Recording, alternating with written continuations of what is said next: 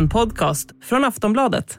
Hej och välkomna till Kungligt. Jag heter Sara Eriksson. Och jag heter Jenny Alexandersson. Snart kommer boken som kan skälpa monarkin. Prins Harrys memoarer kan avslöja mörka familjehemligheter. Vi pratar även om prins Carl Philips vikariat som kung. Och så går vi igenom shamanen och prinsessan Märta-Louise bråk. Och så tar vi återigen upp problemet med kungligheter som säljer sig till stora företag.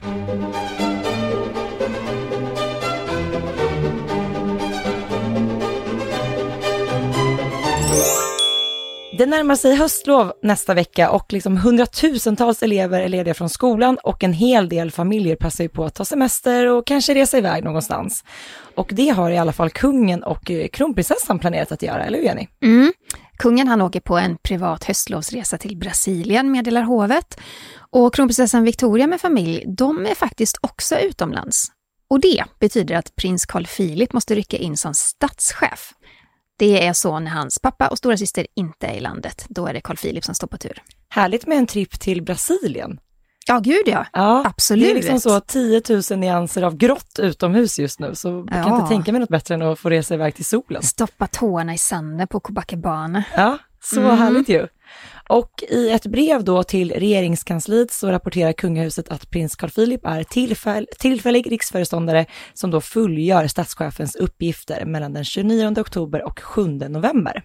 Apropå höstlov så kommer vi faktiskt höra prinsessan Sofia i ett radioprogram. På höstlovets allra första dag på måndag så kommer hon då läsa en saga i Barnradions läslovsspecial. Och prinsessan hon ska läsa sagan Viktors nya tröja. Den är skriven av Camilla Gunnarsson. För det är nämligen så att varje dag under lovet så är det en känd person som läser högt. Och förutom prinsessan så är det bland annat då Britta Zackari och Nour El Refai som läser. Ja, och prinsessan Sofia och prins Carl Philip har ju grundat Prinsparets stiftelse som eh, bland annat arbetar då med att unga ska få en tryggare vardag på internet samt eh, öka liksom respekt och förståelse för personer med dyslexi.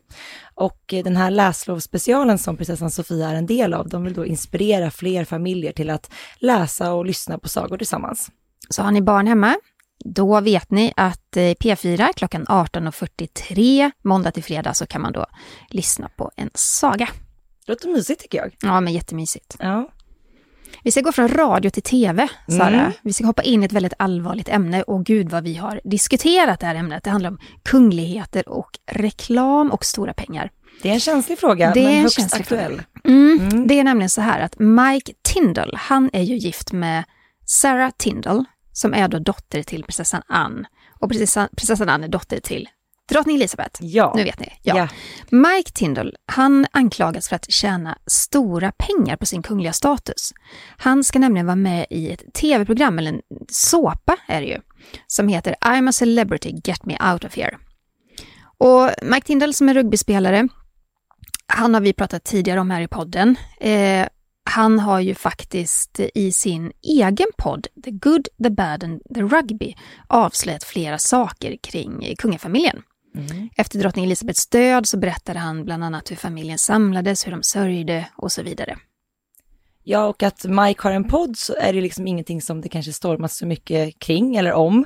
Men nu är det ju vissa som anser liksom att han har klivit över gränsen och att det har blivit för mycket eh, nu den här tv-såpan och reklam och så vidare. För enligt brittiska medier så har Mike tackat ja till programmet och eh, som du nämnde Jenny, det här är ju liksom en, en såpa kan man säga. Det är ju då en grupp kändisar som lever tillsammans under så här extrema förhållanden och väldigt så här få bekvämligheter i en djungel. Och jag tittade på lite klipp just för att förstå vad det var för typ av program och jag tyckte det ser så här, det ser lite likt ut som Robinson, fast lite, nästan lite så värre. Det var mycket så här äta djur, Oh. äta insekter i djungeln och se vem som klarar att så här stå ut längst tid och så. Varför vill han vara med i det? Det undrar jag också. Är det stora pengar? Kanske, måste, måste vara så. För att det riktas ju en hel del kritik då mot att eh, han faktiskt tjänar pengar på sin kungliga status. Och eh, författaren till boken Finding Freedom, han heter ju Omid Scobie och honom känner vi till för att han är lite av en inofficiell talesperson för Harry och Meghan. Men han kritiserar Mike både för hans eventuella medverkan i programmet, men också för att han nyligen gjort reklam för ett sportmärke. Och Omid menar då att om prins Harry eller Meghan hade gjort samma sak, då hade det varit otroligt starka reaktioner. Men i det här fallet så verkar det som att Mike snarare hyllas för det han gör, enligt Omid Scobie. Mm. Och Omid skrev ju i en kolumn bland annat så här att citat, att tjäna pengar på kunglig status är vanligtvis en trigger för royalister och media som under de senaste två åren har klagat mycket på olika affärer gällande ett visst par i Kalifornien. Så jag tycker att det är märkligt att nyheterna om Mike inte kritiseras av de känsliga krönikörerna, krönikörerna utan snarare tvärtom. Slutcitat. Ja. Så att han menar ju på då att när Mike väljer att vara med och göra reklam eller vara med i tv-program så tycker man att det är en kul grej och medan då Harry och Meghan eh, skriver på kontrakt så stormar det väldigt mycket. Det är väl hans liksom, ståndpunkt i det här. Alltså på ett sätt har han ju rätt i det, mm. för det blir alltid rubriker med Harry och Meghan. Men hur som helst, eh, på tal om pengar, så är det ju ganska tydligt att både Sarah och Mike Tindall tjänar stora summor. För Sarah hon är så kallad ambassadör för både Rolex och Land Rover. Och hon gör reklam också för det lyxiga eh, fritidsklädesmärke Musto. Och tidningen beräknar då att hon drar in ganska så många miljoner per år på de här samarbetena. Det är ju lite influencer mm. grej. Jag tror också att eh, både det här samarbetet med Rolex och Land Rover är nog ganska kopplat till hennes hästintresse skulle jag tro. Eh, för det är så här typiskt vanliga sponsorer i de sammanhangen. Ah. Så det är nog ihopkopplat med det. Eh, och Mike Tindall då sägs ju få 1,5 miljoner för att vara med i den här dokusåpan. Och samtidigt så gör han ju faktiskt också reklam för ett pizzaföretag i Storbritannien. Och den pågår väl just nu om jag har förstått det rätt? Ja, det är det här stora Dominos heter de ju. Mm. Och jag tycker vi kan lyssna på hur det låter. Jag bara förklarar lite först att Mike är då den andra killen som pratar i reklamen som ni kommer få lyssna på. Och det handlar om att Mike då levererar pizza till sin poddkollega James Haskell. Och James Haskell har arrangerat en fest för sin nyfödda dotter och så har han glömt att ordna med mat till gästerna. Och Mike då, han hämtar pizza, levererar den med hjälp av en helikopter.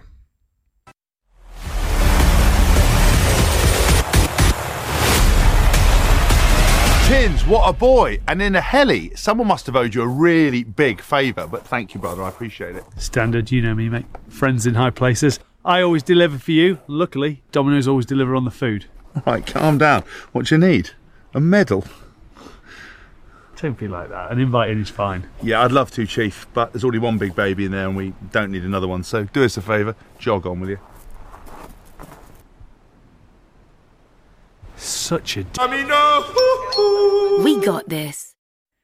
Det jag slogs av när jag såg det här reklamklippet, Jenny, det var inte bara, ja men dels ett, att han gör reklam för liksom ett, ett varumärke, i det här fallet pizza.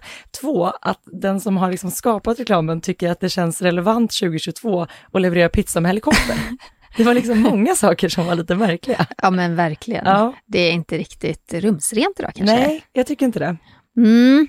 Men varken Sarah eller Mike är ju arbetande kungligheter och Sarah hon har inte heller någon hennes kunglig höghetstitel och hon är inte heller hertiginna.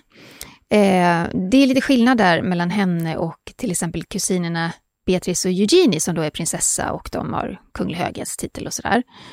Eh, Eugenie och Beatrice de är ju då döttrar till prins Andrew. Men det var ju faktiskt så att prinsessan Anne tackade nej till kungliga titlar till sina barn. Och hon kommenterade det här med titlar i en intervju med Vanity Fair 2020. Och då sa hon så här. Jag tror att de flesta skulle hävda att det finns nackdelar med att ha titlar. Så jag tror att det var rätt att göra så här. Slutcitat. Mm.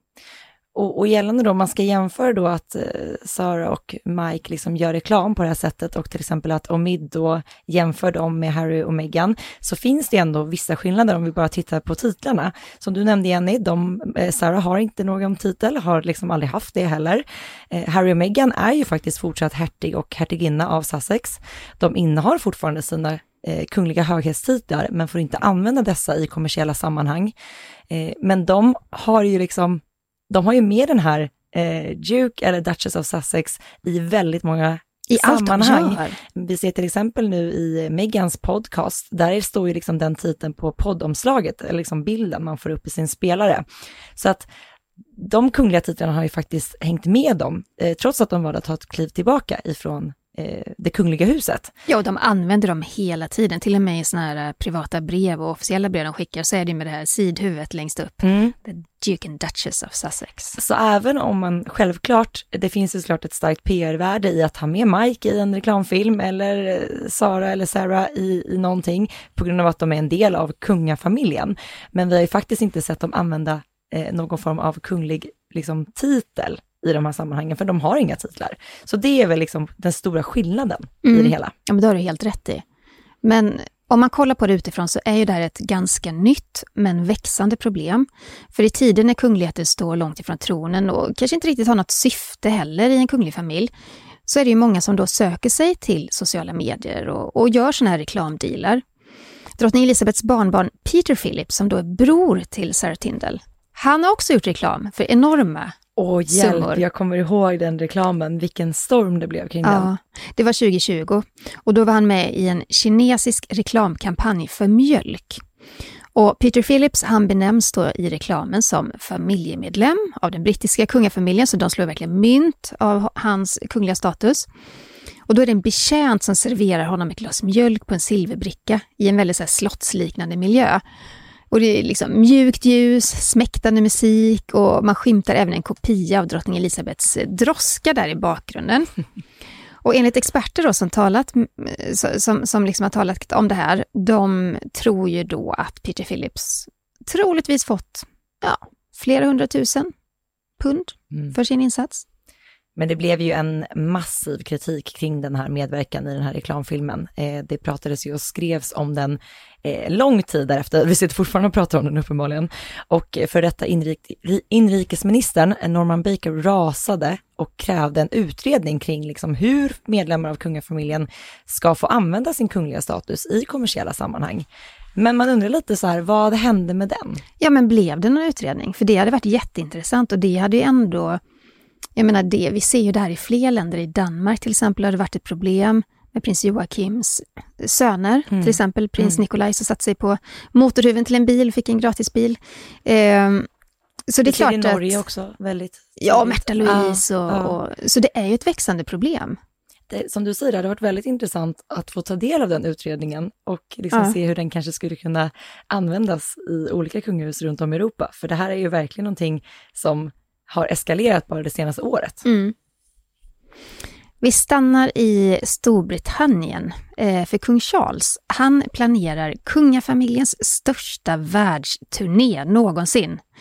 Och eh, den kommer att ta ungefär två år att genomföra. Och syftet med den här rundresan då, det är att man ska, man ska liksom, eh, ja, men, försöka hålla samman de här samväldesländerna helt enkelt. Mm. Men kan han vinna över alla samväldesländer? För nu är det ju ändå så att det är så många av de här länderna som inte vill ha en brittisk eh, statschef längre. Eh, Barbados har dragit sig ur, Jamaica har väl pratat om det också. Och det är ju också så att Antigua och Barbuda meddelade att, eh, att de, de strävar efter att säkra sin självständighet. De vill bli republik helt enkelt.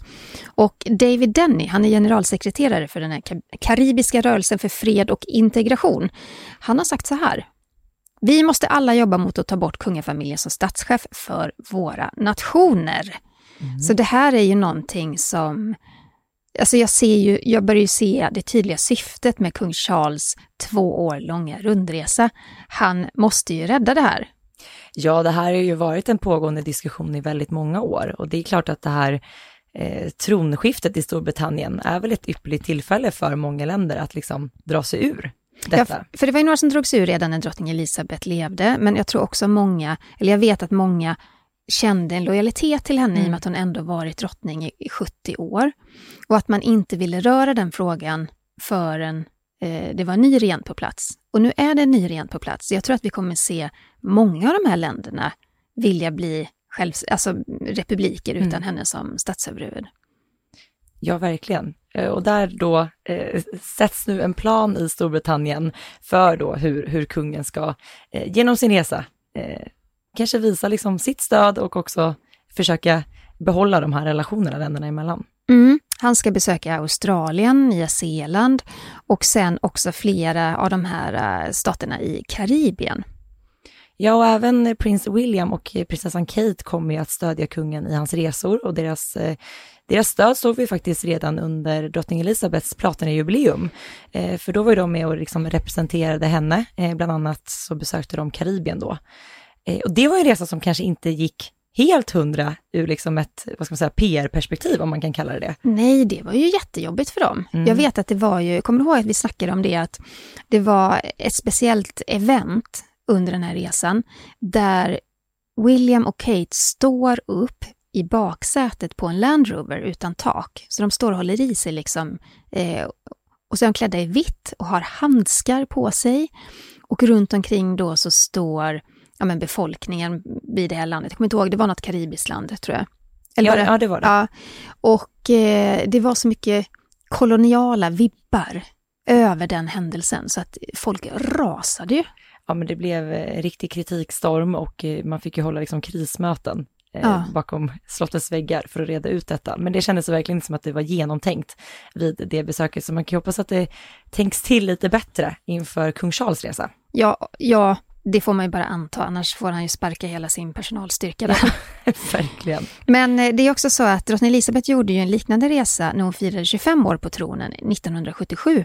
Då besökte hon 36 länder. Mm. Men kung Charles resa kommer ju innebära ännu fler länder, eller hur? Ja, det sägs ju att det här nu ska bli den, den största resan eh, och då förstår man ju att det också kommer ta lite tid. Eh, Ja. Som sagt, under en tvåårsperiod räknar man med att kunna genomföra alla dessa besök.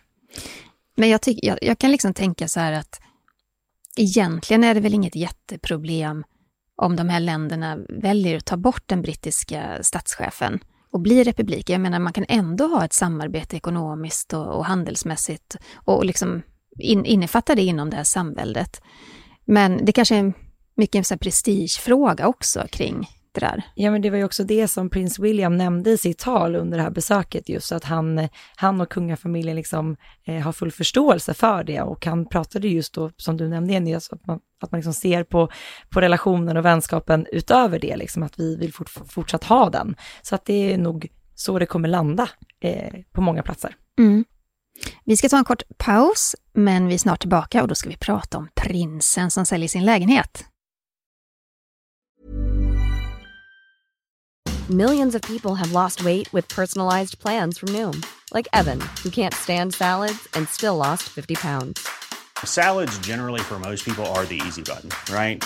For me, that wasn't an option. I never really was a salad guy. That's just not who I am. But Noom worked for me. Get your personalized plan today at Noom.com. Real Noom user compensated to provide their story. In four weeks, the typical Noom user can expect to lose one to two pounds per week. Individual results may vary. Nu är vi tillbaka och vi ska hoppa direkt till Danmark. För danska prins Joakims äldsta son, prins Nikolaj, ja ni vet han som blir av med sin titel den 1 januari efter ett beslut från drottning Margrethe, han försöker sälja sin lägenhet i Köpenhamn. Det går sådär kan jag säga. Det är en jättefin lägenhet, jag har sett bilderna på den eh, på mäklarsidan. Den är 70 kvadratmeter ungefär, supernice. Eh, det är egentligen ett helt gårdshus som han har, så det är liksom två våningar. Så det är tre rum och kök och en otroligt härlig takterrass på taket. Det låter som en bättre så första lägenhet. eller Ja men du, alltså om... Det, sån där lägenhet kan man inte ens drömma om när Nej. man är 20 plus. Alltså Verkligen inte. Och som du nämnde Jenny, på de här bilderna hos mäklaren så kan man ju se att det på, på första våningen är liksom ett stort kök och vardagsrum som sitter ihop och en stor hall och ett badrum. Och en trappa upp så finns ett sovrum och ett till vardagsrum som prinsen då verkar använda som kontor. För där står ett stort skrivbord och en extra säng som är eh, omgjord till någon, någon slags soffa. Och eh, det är väldigt så enkelt inrätt, eh, men det kan ju också vara så att de har stylat om den lite inför bilderna och visningen såklart. Jag tänker det. Jag tänker att de har tagit bort alla privata prylar överhuvudtaget. Att de inte vill skänka pressen någonting som kan säga någonting om hans privatliv, utan den är bara clean. Kanske hade sålts fortare ifall att man kunde få lite mer så privat inblick i Ja, den. Mm. men nu är det problem med den här lägenheten. Den lades ut till försäljning, ja det var ett år sedan nu ungefär. Mm. Ingen verkar nappa, eller så kanske priset är för satt för högt. För eh, Nikolaj har då tvingats sänka det här, den här summan flera gånger. Jag vet att han köpte den 2019 och då betalade han 4,1 miljoner danska kronor. Så lade han ut den till försäljning förra året. Då vill han ha 5 495 000 danska kronor. Men så han, ingen har ju nappat då, så att då har han fått sänka det här priset gång på gång på gång. Den som nu har 4 miljoner 595 000 danska kronor, Kan de kan köpa den. Ja. Okej. Ja, vi får se hur det går för prins eh, Nikolaj och lägenhetsförsäljningen helt enkelt. Lite förlustaffär där i alla fall. Ja, han är ju just nu bosatt i Paris eh, tillsammans med sin flickvän, så han kanske inte bor så ofta i Köpenhamn, så då är det väl lägligt att sälja, sälja den, Ja, såklart. Han har säkert inga lån på den heller. Ingen så chockräntor nu för Det var prinsen. 4,9 mille rätt i fickan. Ja, exakt. Nej, vi, vi följer detta såklart. Mm. Vi ska hoppa över till Norge, Sara. Vi har ett väldigt skandinaviskt avsnitt den här Ja. veckan. Verkligen. Men vi måste prata om shaman Derek Verrett och prinsessa Märta Louise som faktiskt har öppnat upp om sina vardagsspråk och det gjorde de i shamanens podd Ancient Wisdom Today. Och de berättar att de kan bli riktigt sura på varandra. Och Märta hon säger helt öppet att men vi har våra toppar och dalar. Men att deras fundament är citat ärlighet och transparens och de ska kunna dela allt. Slutcitat. Ja, och eh, Derek avsäger det även att han har gett prinsessan då, eh, prinsessan prinsessa Märta Louise smeknamnet Snapperella. Alltså det är ju inte så snällt smeknamn. det, är ju, det skulle Alltså- inte jag, om min, om min sambo skulle kalla mig för Snapperella. Det låter lite ganska argt sur. och lite Ja. bitskt. Ja, det, låter, det låter bittert. Ja, och då så gav han bland annat, alltså eh, Shaman Derek gav då ett exempel i podden så att han, han sa så här, citat, jag kan säga att Snapperella inte har ätit någon mat idag, slutcitat. Då tänker jag att då är det någonting som att, att det kanske är sura miner hemma, låter det Ja. som. Ja, men verkligen. Ja, och båda två förklarar då att när de bråkar, då kan Derek vilja bli sams igen efter typ 10 sekunder. Men Märta säger å sin sida då väldigt skämsamt att eh, när han kommer tillbaka så där snabbt och vill försonas, så ber hon honom gå, för hon behöver ännu mer tid för att bli glad igen. Ja, och de berättar ju även om en speciell middag i New York då prinsessan Märta Louise sa något som fick då shamanen att bli jättearg. Eh, Derek berättar att han blev rasande och lämnade bordet för att det var, eh, det var viktigt för honom att inte säga något respektlöst eller kärlekslöst till sin fästman. Och eh, vi kan väl lyssna lite på när han berättar om den här speciella middagen. Oh yeah, like when we were in New York, and and you really pissed me off, and I was so angry. I was fumigating. Oh, it was fuming. I was fuming. I was like on fire, and I just remembered like. I got to get up from this table right now because I don't ever want to say a word to you that was not other than I love you or how beautiful you are or what a goddess you are or like how wise or smart you are. So I need to get off this table because I realize that if I have to come to a point where I'm going to say something derogatory to you and disrespect you, then I'm disrespecting myself and I'm disrespecting the divine spirit because the divine spirit brought us into each other's lives. So I need to get up from this table. And I remember my friend was there and he looked at me and he's like, What are you doing? And I'm like, I'm going for a walk. I said, No questions asked. I'm taking a walk. I mean, everybody knew he was mad. It was. It was not. It was very, very obvious. Yes, it was very obvious. You could see the fumes coming off the top of my head. And I was like, I'm going for a walk. And I just decided to take a walk around the block. And I was like, why am I triggered? Why am I upset right now? What's really causing me pain? Let's remove uh, Martha out of this. Let, let's remove her and let's look at where the trigger came from. Why is it affecting me? Ja, shamanen berättar att eh, hans vän som var med på middagen frågade men vart, vart ska du någonstans? Och shamanen svarade att han var tvungen att gå en sväng och konstaterade att han kokade av ilska att det fullkomligt rykte från hans huvud. Men så började han fråga sig själv varför han blev så triggad och, och var den här reaktionen egentligen kom ifrån. Och så landade han i att det handlade egentligen inte om Märta utan, något, utan om något som en familjemedlem hade sagt till honom vid ett tidigare tillfälle. Och så gick han tillbaka och så sa han förlåt. Ja, och Märta kontrade ju då med att hon ibland har en förmåga att dra ner så här entusiasmen hos, hos den hon pratar med. Så att det var ändå en dialog, men vi fick liksom en liten insyn i hur deras vardag kan se ut. Men Sara, jag blir lite så här förvånad, eller kanske inte förvånad, men tänk att man sitter så här offentligt ute på en middag på en restaurang och så blir ens partner så himla arg så att det ryker och kokar om honom och så ska han lämna bordet och gå.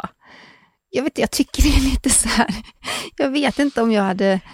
Nej, det är det är inte så trevligt. Alltså, Nej. det är ingen bra Men- middagsvibb. Ja, nej, jag känner ju inte shamanen, men, men ibland känns det som att han, han har lite temperament. Ja, det säger de ju båda två här att de har. Ja. Med toppar och dalar och de här smeknamnen och eh, allt Ja. vad det är. Eh, men eh, alltså, det är ju väldigt märkligt att de överhuvudtaget berättar om det här med tanke på alltså, prinsessa Märta Louise liksom, status och vara en del av kungafamiljen. Det blir ju väldigt personligt och liksom intimt när man får komma dem så pass nära. Ja, och på ett sätt, ja, men jag håller med dig, på ett sätt är det också fint att man får göra det. Ja, så man är lite delad. Man är lite delad, Mm. för att eh, jag tycker ändå liksom att den öppenheten de har eh, kring, eh, kring varandra och relationen, så här, den, jag kan ändå uppskatta den. Liksom. Eh, men mm, jag såg också för ett par dagar sedan en live som shamanen hade lagt ut på Instagram. Och jag visade den för dig nu Mm. innan vi skulle spela in. Eh, och just det här med att jag tror att shamanen har lite temperament, helt enkelt. Han var ju väldigt arg i den här livesändningen på Instagram. Jättearg. Mm. Och, han, eh, och- det här kom sig... Eh, en stor del av liven handlade om att han ville svara på en kritik som han hade fått. Och eh, i Norge speciellt, men faktiskt i hela världen, så har man ju, inte hela världen, men många delar av världen, så har man ju skrivit om eh, shamanens uttalande om att eh, barn som får cancer anser shamanen då orsakar det själva för att de är olyckliga. Och det här har ju snurrat x antal varv kring jorden och eh, det här var väl shamanens möjlighet då att svara på detta helt enkelt. Men oj vad han rasar. Där kokade kan man säga.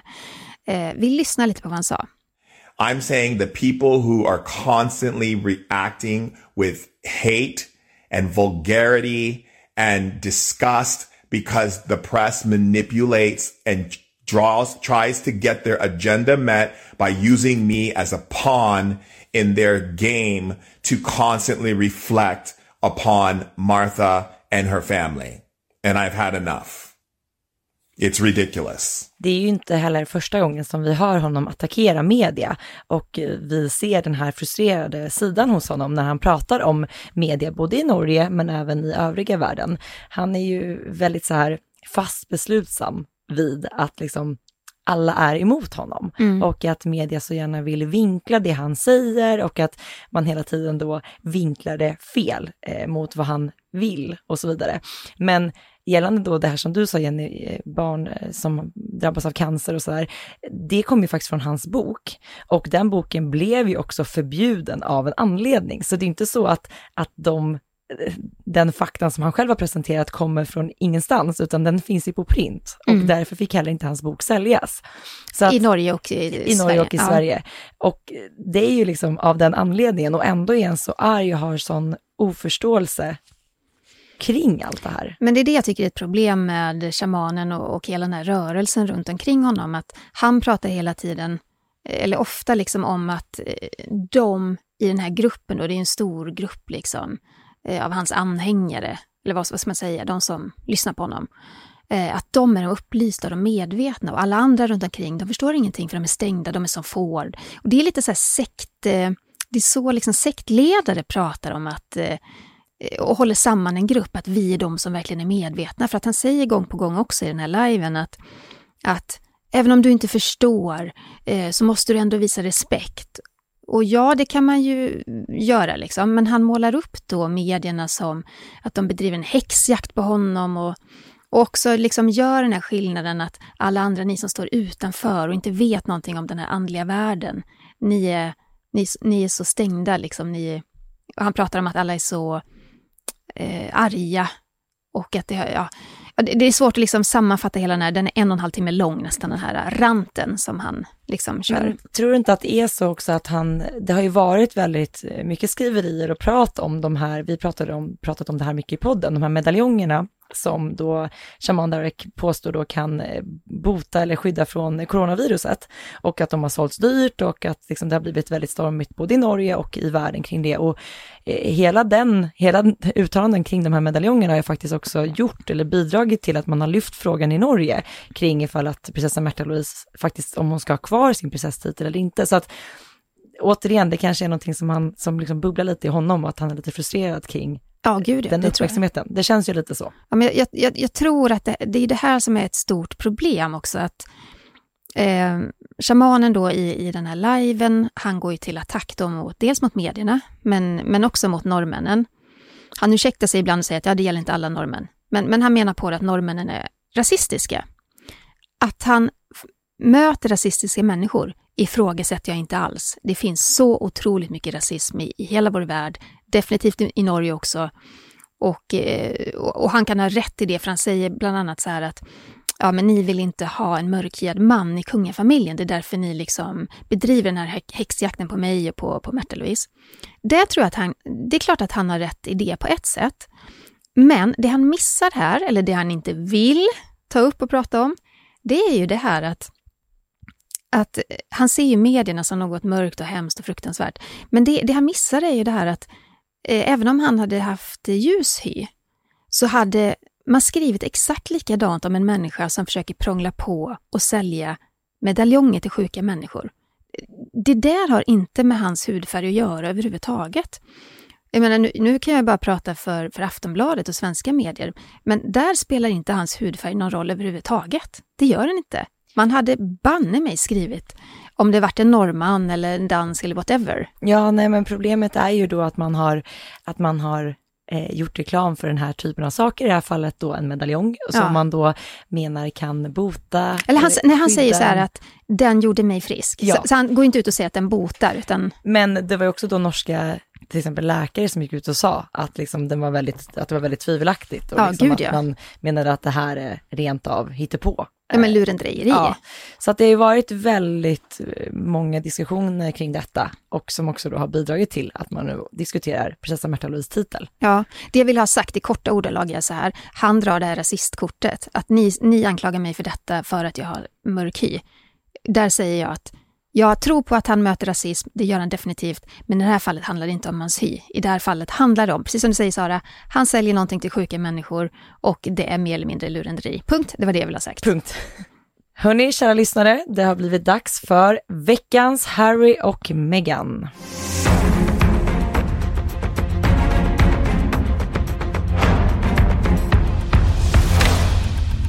Ja, vi har pratat mycket om prins Harrys självbiografi som skulle ha släppts nu i oktober 2022, men lanseringen sköts ju upp efter drottningens död den 8 september.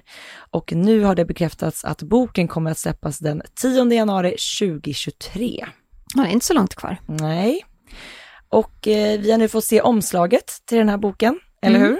Ja, det var väldigt fint tycker jag. Det visar en närbild av Harrys ansikte och så är det väldigt så här softat ljus.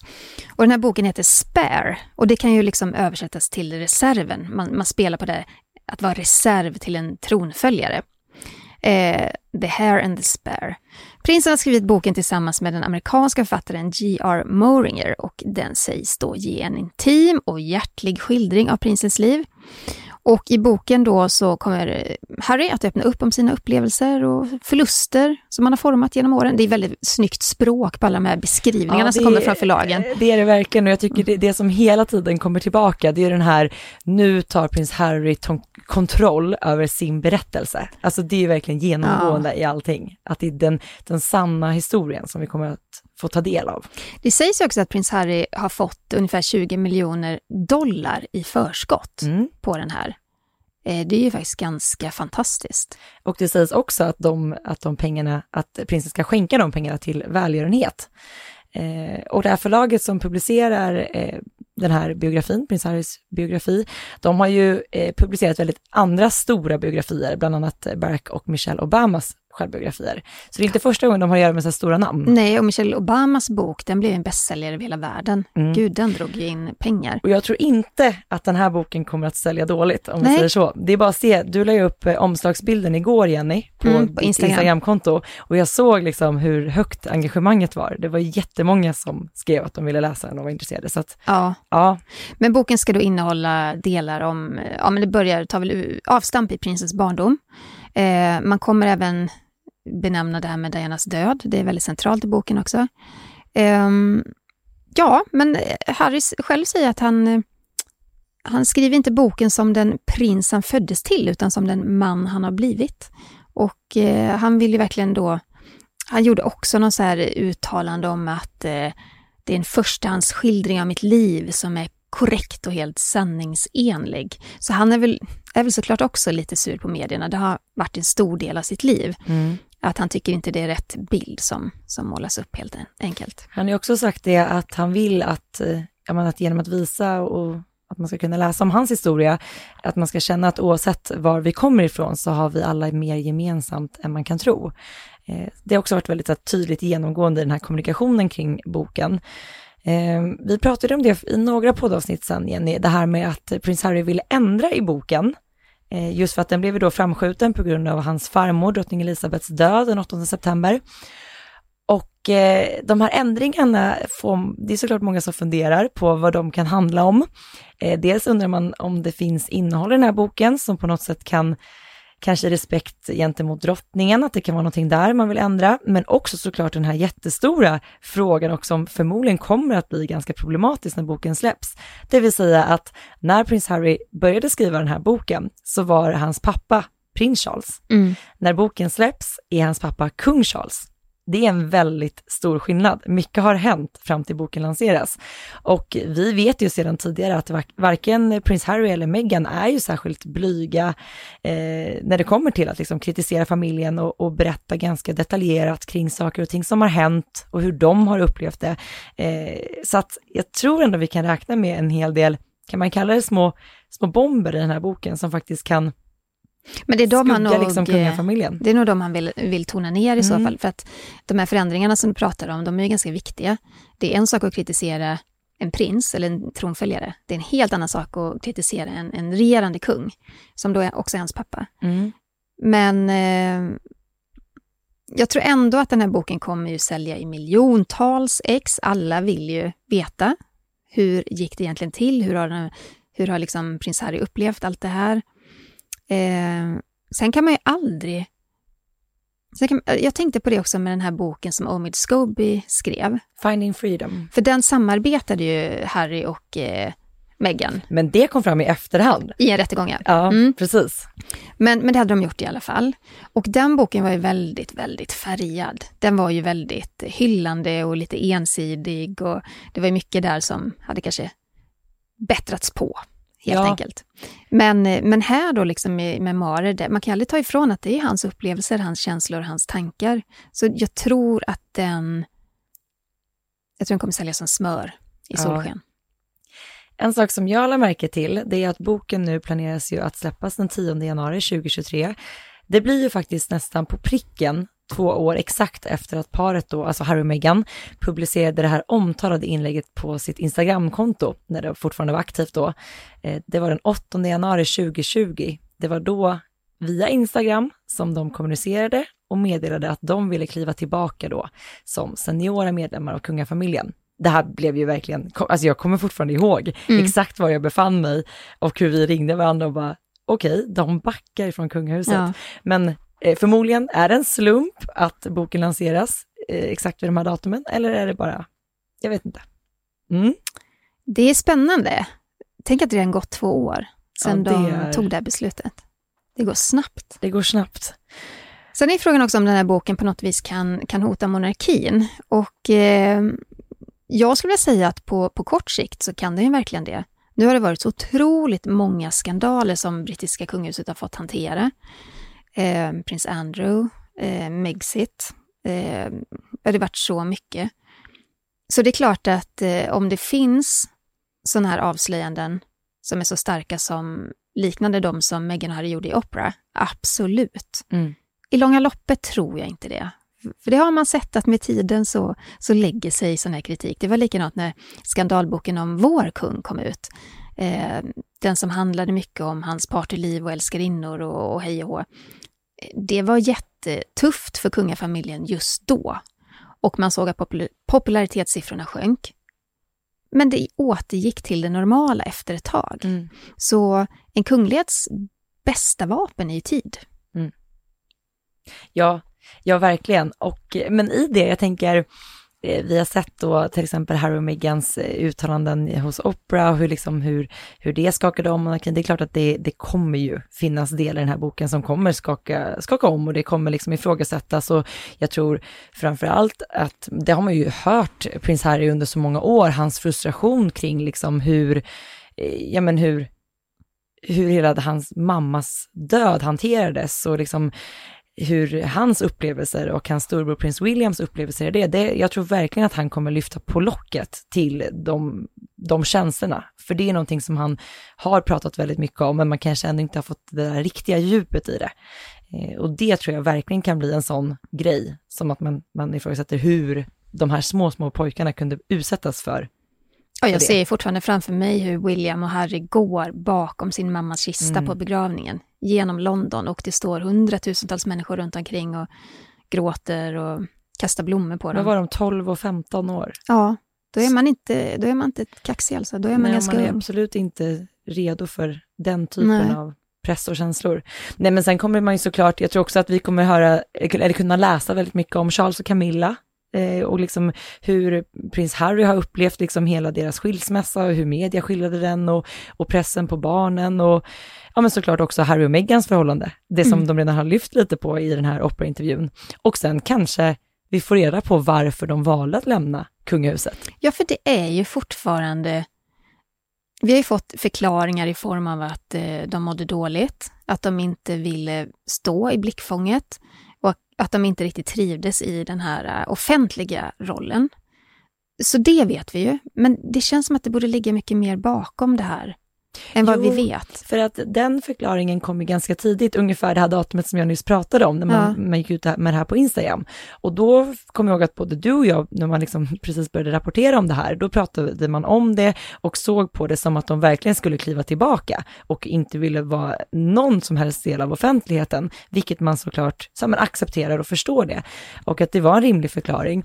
Men nu två år senare så ser vi ju att det är ju precis tvärtom det Harry och Meghan vill. De har, det är podcast och det är produktioner med Netflix, alltså det är ju väldigt, om vi nu ska prata Och många det, intervjuer. intervjuer, ja. Mm. Det är ju verkligen i offentligheten. Så att det är ju inte riktigt en, en orsak eller förklaring längre, för de har ju visat det motsatta. Så att jag hoppas vi ska få lite fler detaljer kring Ja, allting. sen tror jag säkert att resten av kungafamiljen tycker att det här är lite jobbigt. Jag Ja. tror att de tycker det är tufft att vänta på. Kommer avslöjanden eller inte? Inte en chans att någon av dem fått läsa boken i förväg, det tror jag inte. Nej, det tror inte jag heller. Och en, en källa då nära hovet ska ha sagt till The Mirror, Mi- Mirror, The Mirror, Mm. eh, att det finns en tsunami av rädsla bland kungligheterna över vad prins Harry kommer att skriva. Så att eh, så är det nog. Kommer du ihåg den här boken Diana Her True Story som kom 92? Det var Andrew Morton som, som skrev den. Eh, den var ju den var ju en bomb som slog ner.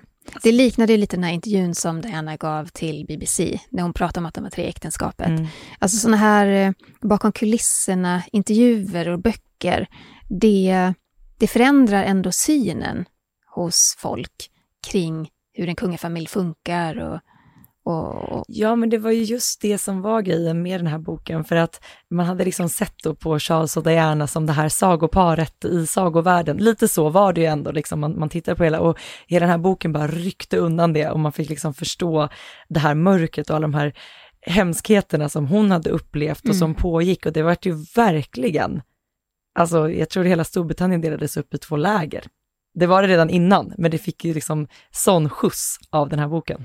Jag köpte den på flygplatsen i London. Jag var på väg hem ifrån begravningen. Eh, jag har inte börjat läsa den än. Jag, har, jag tror jag köpte fem kungliga böcker. Jag har plöjt några, men Ja, den är kvar. Och vi köpte ju också många böcker när vi var där under Platina-jubileet. Ja, i somras ja. För då köpte jag Diana-boken, bland Har du annat. läst den? Eh, Jag har läst, läst halva. Ja. Men var det så avslöjande som, så avslöjande som man tror? Ja, men det är den ju. Det är bland annat i den här boken som Diana eh, berättar om sina ätstörningar och att hon har försökt till och med att ta livet av sig flera gånger. Så att det var ju otroligt många detaljer som framkom i den här boken som man inte hade För, hört. visst var det så att Andrew Morton som skrev den, han spelade in, eh, eh, han spelade in samtal Ja. med henne. Alltså Ja. flera timmars samtal och så byggde han liksom upp berättelsen Yes. utefter det. Det, att, eh, ja, jag får hugga tag i den här boken Ja, direkt. det får du göra. Och det är också, jag tror det är ju också väldigt intressant att faktiskt läsa den nu, Mm. innan man tar del av eh, Harrys biografi. Ja, verkligen. Mm. Vi har fått eh, en lyssnarfråga. Den kommer ifrån Lotta. Hon skriver så här. Hej och tack för en bra podd. Tack själv Lotta. Tack. Jag har en fråga kring dresscode när den andra statschefen inte är kunglig. Presidenter och eventuella fruar lär ju inte ha tillgång till, till tiaror och andra stora smycken. Tar de kungliga hänsyn till det? Tonar de i så fall ner sin klädsel till en mer likvärdig nivå?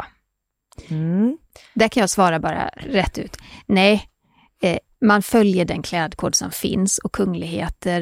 Eh, det skulle vara mycket speciella situationer ifall de skulle tona ner, men, men man visar ju... Man, att klä upp sig ordentligt är ju också ett, en, alltså någonting hedrande till den som har bjudit in. Men en annan fråga faktiskt som jag ofta får på mitt Instagramkonto, det är lite fråga om det omvända. Om man då som gäst till exempel får bära diadem, eh, om man är gäst hos en kunglighet eller i det sammanhanget. Ja, men låt säga att det är en tillställning på då fracknivå. Då får ju faktiskt andra gäster också bära diadem om de önskar. Det är alltså inte ett specifikt kungligt liksom, privilegium att få bära diadem. Eh, så råkar man ha ett diadem i smyckeskrinet så får man använda det eh, när då högtidsdräkt eller frack står på agendan. Har du ett diadem i smyckeskrinet? Råkar du ha inte. det? Jag råkar inte ha ett diadem faktiskt, tyvärr. Hade jag haft det, då hade du sett det för länge sedan. Och så har vi fått en till lyssnarfråga som handlar om titlar. De skriver så här, hej, varför kallas Sarah, Sarah Phillips inte prinsessa? Hon är väl barnbarn till före detta drottning? Och de andra barnbarnen har väl det? Ja, eh, vissa av de andra barnbarnen har ju titlar. Eller ja, det, det har de nog allihopa, förutom Sarah Phillips och Peter Phillips. Men det är ju så här att prinsessan Anne då, dotter till drottning Elizabeth, hon tackade nej till titlar till sina barn. Och vi pratade om det tidigare i avsnittet här, att eh, hon anser att det följer med så mycket negativa saker med titlar, så hon vill att barnen skulle växa upp utan att känna sig bundna då till, till kungahuset. Och här ska jag också säga det att Sarah Phillips heter ju inte längre Sarah Phillips utan Sarah Tyndall. Ja, men förlåt! Ja, Men ja. hon hette ju det innan hon gifte sig. Ja, här snubblar vi på tungan. Ja, det gör vi. Det är Sarah- fredag eftermiddag, man får snubbla på ord tycker jag. Ja. Vi blir så glada när ni skickar in lyssnarfrågor till oss, så fortsätt gärna att göra det till kungligt aftonbladet.se. Och vill du ha nyheter varje dag kring kungligheter, då följer du oss på Instagram och sociala medier. Vad heter du Sara där? Royalistan.se och var hittar man dig Jenny? Främst på Instagram, kungligt med Jenny heter jag där. Tack snälla för att ni har lyssnat på veckans avsnitt av Kungligt. Vi hörs snart igen. Hej då! Hej då!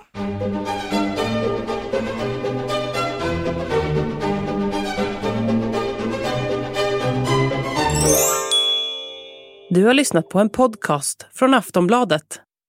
Ansvarig utgivare är Lena K Samuelsson.